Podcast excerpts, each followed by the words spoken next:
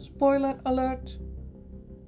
Op het briefje dat je na je zoektocht vindt staat: Gefeliciteerd, je hebt de oplossing van het mysterie van Medemblik gevonden.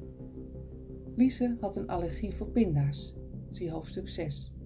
Ze zoende tijdens het feest bij Jak met een vrouw die pinda's gegeten had en kreeg een allergische reactie. Ze liep weg van de mensenmassa naar de visafslag voor frisse lucht.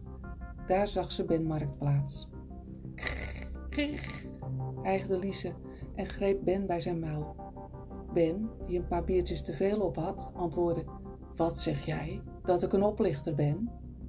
Hij gaf haar een duw en liep weg.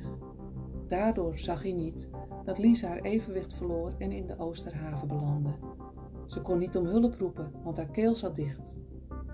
Dat was het einde van de knappe, maar meedogenloze vrouw.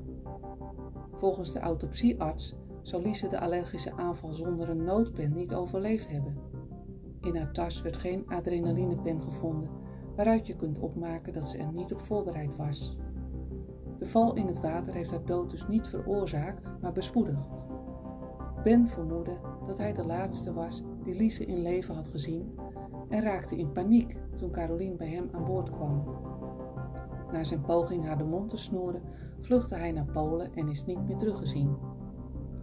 De laatste vraag van dit verhaal is: wie heeft gezien dat Lise in het water is geduwd door Ben en gooide geheimzinnige briefjes bij Caroline in de bus? Wanneer een aantal feiten door verschillende mensen wordt samengevoegd, aangedikt en doorverteld, krijg je meerdere theorieën. In een plaats als Medemblik houden de bewoners van Smeugen verhalen en zijn roddels snel geboren, zoals na de moord op Klaas van Schagen in 1915. Een geloofwaardige theorie is dat er een stel bekende medemblikkers seks had in de visafslag, maar niet met hun eigen partner.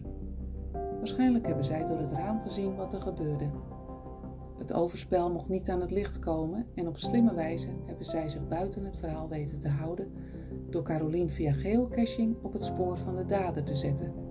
Maar of dit de enige juiste theorie is, we zullen het waarschijnlijk nooit weten.